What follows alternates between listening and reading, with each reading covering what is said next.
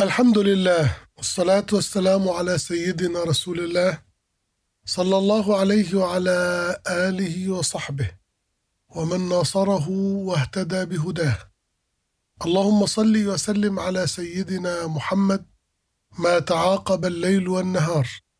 اللهم صل وسلم على سيدنا محمد وارض عن ساداتنا من المهاجرين والأنصار وصحبه وآل بيته وتابعيهم بإحسان إلى يوم الدين وبعد. فهذه دروس وعبر من سيرة أمير المؤمنين عمر رضي الله عنه وأرضاه.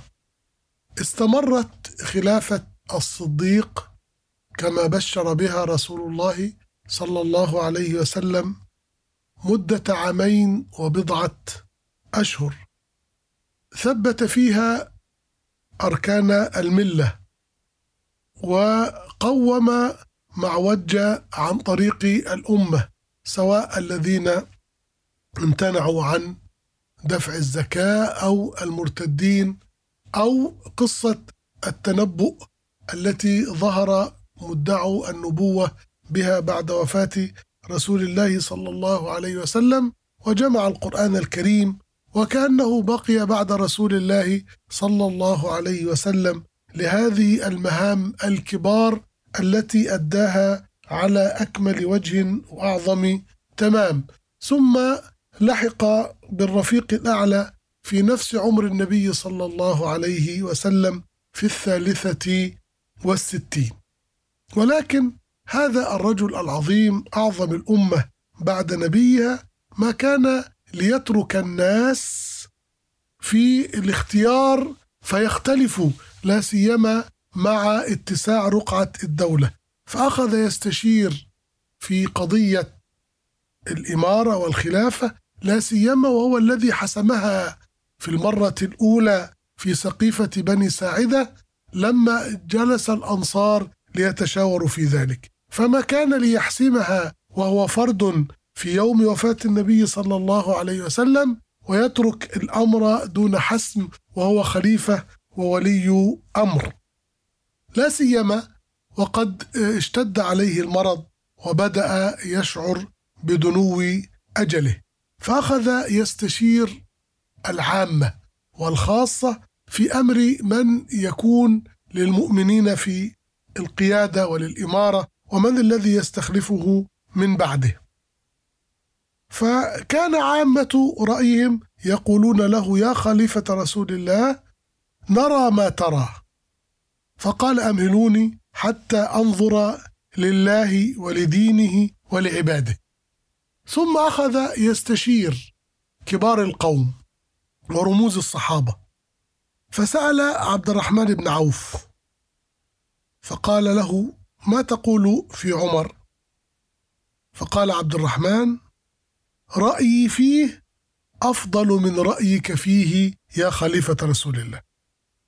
وسبحان الله أجوبة الصحابة في استبيان الرأي الذي طرحه عليهم أبو بكر تدل على أدب عظيم وخلق رفيع وتجرد عالي وهضم لحق النفس وتقديم للأصلح والأكفأ والأحسن. الدنيا لم تقترب من قلوبهم قدر أنملة فكانوا يقدمون الأصلح لدينهم. فيقول رأيي في عمر خير من رأيك فيه وهو يعرف أن رأي أبو بكر في عمر من أعظم الآراء. ثم دعا عثمان بن عفان فسأله فقال كلاما وذكر صفة في عمر لا أظن أنه يشاركه فيها أحد. فقال له يا خليفة رسول الله علمي به سريرته خير من علانيته وليس فينا مثله. اولا في الغالب الأعم ما يظهر من العلانية يحاول أن يتجمل به الناس حتى في الثياب. فإذا خلى الإنسان أو كان مع الخاصة تخفف. تخفف من ثيابي وتخفف من تكلفي وتخفف. وغالبا ما يحاول الإنسان أن يخفي ما بداخله ويتجنب صفات السوء لا تظهر في العلانية. يقول له هذا مختلف تماما. عمر ما يخفيه خير مما يبديه. يعني عمر مثلا وإن ظهرت عليه الشدة فهو بين جوانحه في منتهى الرقة. إن ظهرت عليه الغلظة ففي داخله في منتهى الشفقة. ثم يقول ليس فينا مثله. وهذا من عظيم الأدب العثماني الكريم. يقول له فينا يعني هم يعرفون أن مقام الصديق مقام محفوظ فهم يتحدثون عن أفضلية خاصة بعيدا عن مكانة أبي بكر التي لا يزاحمه فيها أحد. وهذا المعنى معنى أفضلية الصديق والنص على أفضلية عمر بعد الصديق أكده أسيد بن الحضير. فنحن نقلنا آراء عبد الرحمن بن عوف وعثمان بن عفان وهم شيوخ المهاجرين في هذا الوقت. أما الآن فأسيد بن حضير هذا رمز الأنصار وسيد من السادات الكبار. فقال له يا أسيد ما تقول في عمر قال هو خيرنا بعدك. يعني المقامات محفوظة. ثم بين مسببات هذه الشهادة العظيمة هو أفضل الأمة بعد أبي بكر. قال له يرضى للرضا ويسخط للسخط والذي يسر خير من الذي يعلن.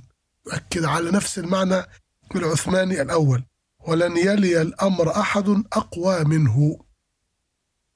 وكانت هذه عامة الآراء في من استشارهم أبو بكر رضي الله عنه ولكن كان هناك أيضا صوت آخر وإن كان قليل ونادر وهو ما قاله طلحة ابن عبيد الله أحد الصحابة الكبار وأحد العشرة المبشرين بالجنة وهو من بني تيم من نفس قبيلة سيدنا الصديق رضي الله عنه. قال له ما أنت قائل لربك يا خليفة رسول الله إذا سألك عن استخلاف عمر وقد وليت علينا غليظا. قال له عمر فيه شدة كيف تجيب ربك وقد وليت علينا غليظا شديدا؟ كان أبو بكر في فراش مرضه مضجعا أو نائما. فقال أجلسوني. أمر يحتاج إلى توضيح ورد وبيان. وقال بالله تخوفونني؟ أنا من يقال لي ماذا ستقول لله؟ أعرف حجتي وبماذا سأجيب ربي؟ فقال أبو بكر خاب من تزود من أمركم بظلم. لئن سألني ربي لأقولن وليت على خيرك خير خلقك. أنا أعرف من وليت وليت عليكم أفضلكم وإنما شدته لأنبيلين قال لهم أمر الشدة هذا مرده إلى إحداث التوازن. فسيدنا أبو بكر رجل رقيق لين والقيادة تحتاج إلى الشدة مع اللين وهي الحكمة. فقال نحن يكمل بعضنا بعضا. ثم كتب كتابا مختوما بذلك وتركه للناس. وجمع الناس في المسجد بعدما استشار الرجال والنساء والصبيان. استشار كل المجتمع جمعية عمومية عامة يستشيرهم في أمر عمر ثم جمعهم فخطب فيهم. فقال لهم لقد استشرت واستمعت وإني قاض فيكم أمرا أتقبلونه؟ فقام علي بن أبي طالب وقال لا نرضى إلا أن يكون عمر. أي تأكيدا لاختيار أبي بكر رضي الله عنه ومن ثم تولى عمر الخلافة بعد أبي بكر رضي الله عنه وأرضاه وأصبح علي بن أبي طالب القاضي والمستشار وكان عبد الرحمن بن عوف من أقرب المقربين إليه.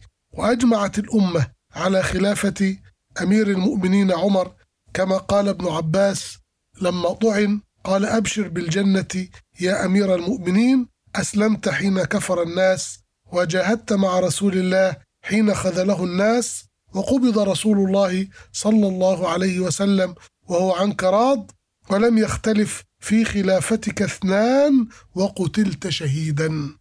أخرجه البيهقي بإسناد حسن إلى عبد الله بن عباس رضي الله عنه وأرضاه وبذلك بدأت خلافة عمر بن الخطاب التي كانت كلها بركة كما قال عبد الله بن مسعود كان إسلامه فتحا وهجرته نصرا وخلافته بركة واستمرت عشر سنوات وستة أشهر عم فيها الخير وظهر فيها النماء وكثرت فيها الفتوحات رضي الله عن أمير المؤمنين عن فاروق الإسلام وجعلنا وإياكم على خطاهم. وعلى خطى السلف الصالحين والسابقين الأولين اللهم وفقنا لما تحب وترضاه يا كريم إنك بكل جميل كفيل وأنت حسبنا ونعم الوكيل وصل اللهم على سيدنا محمد وعلى آله وصحبه أجمعين.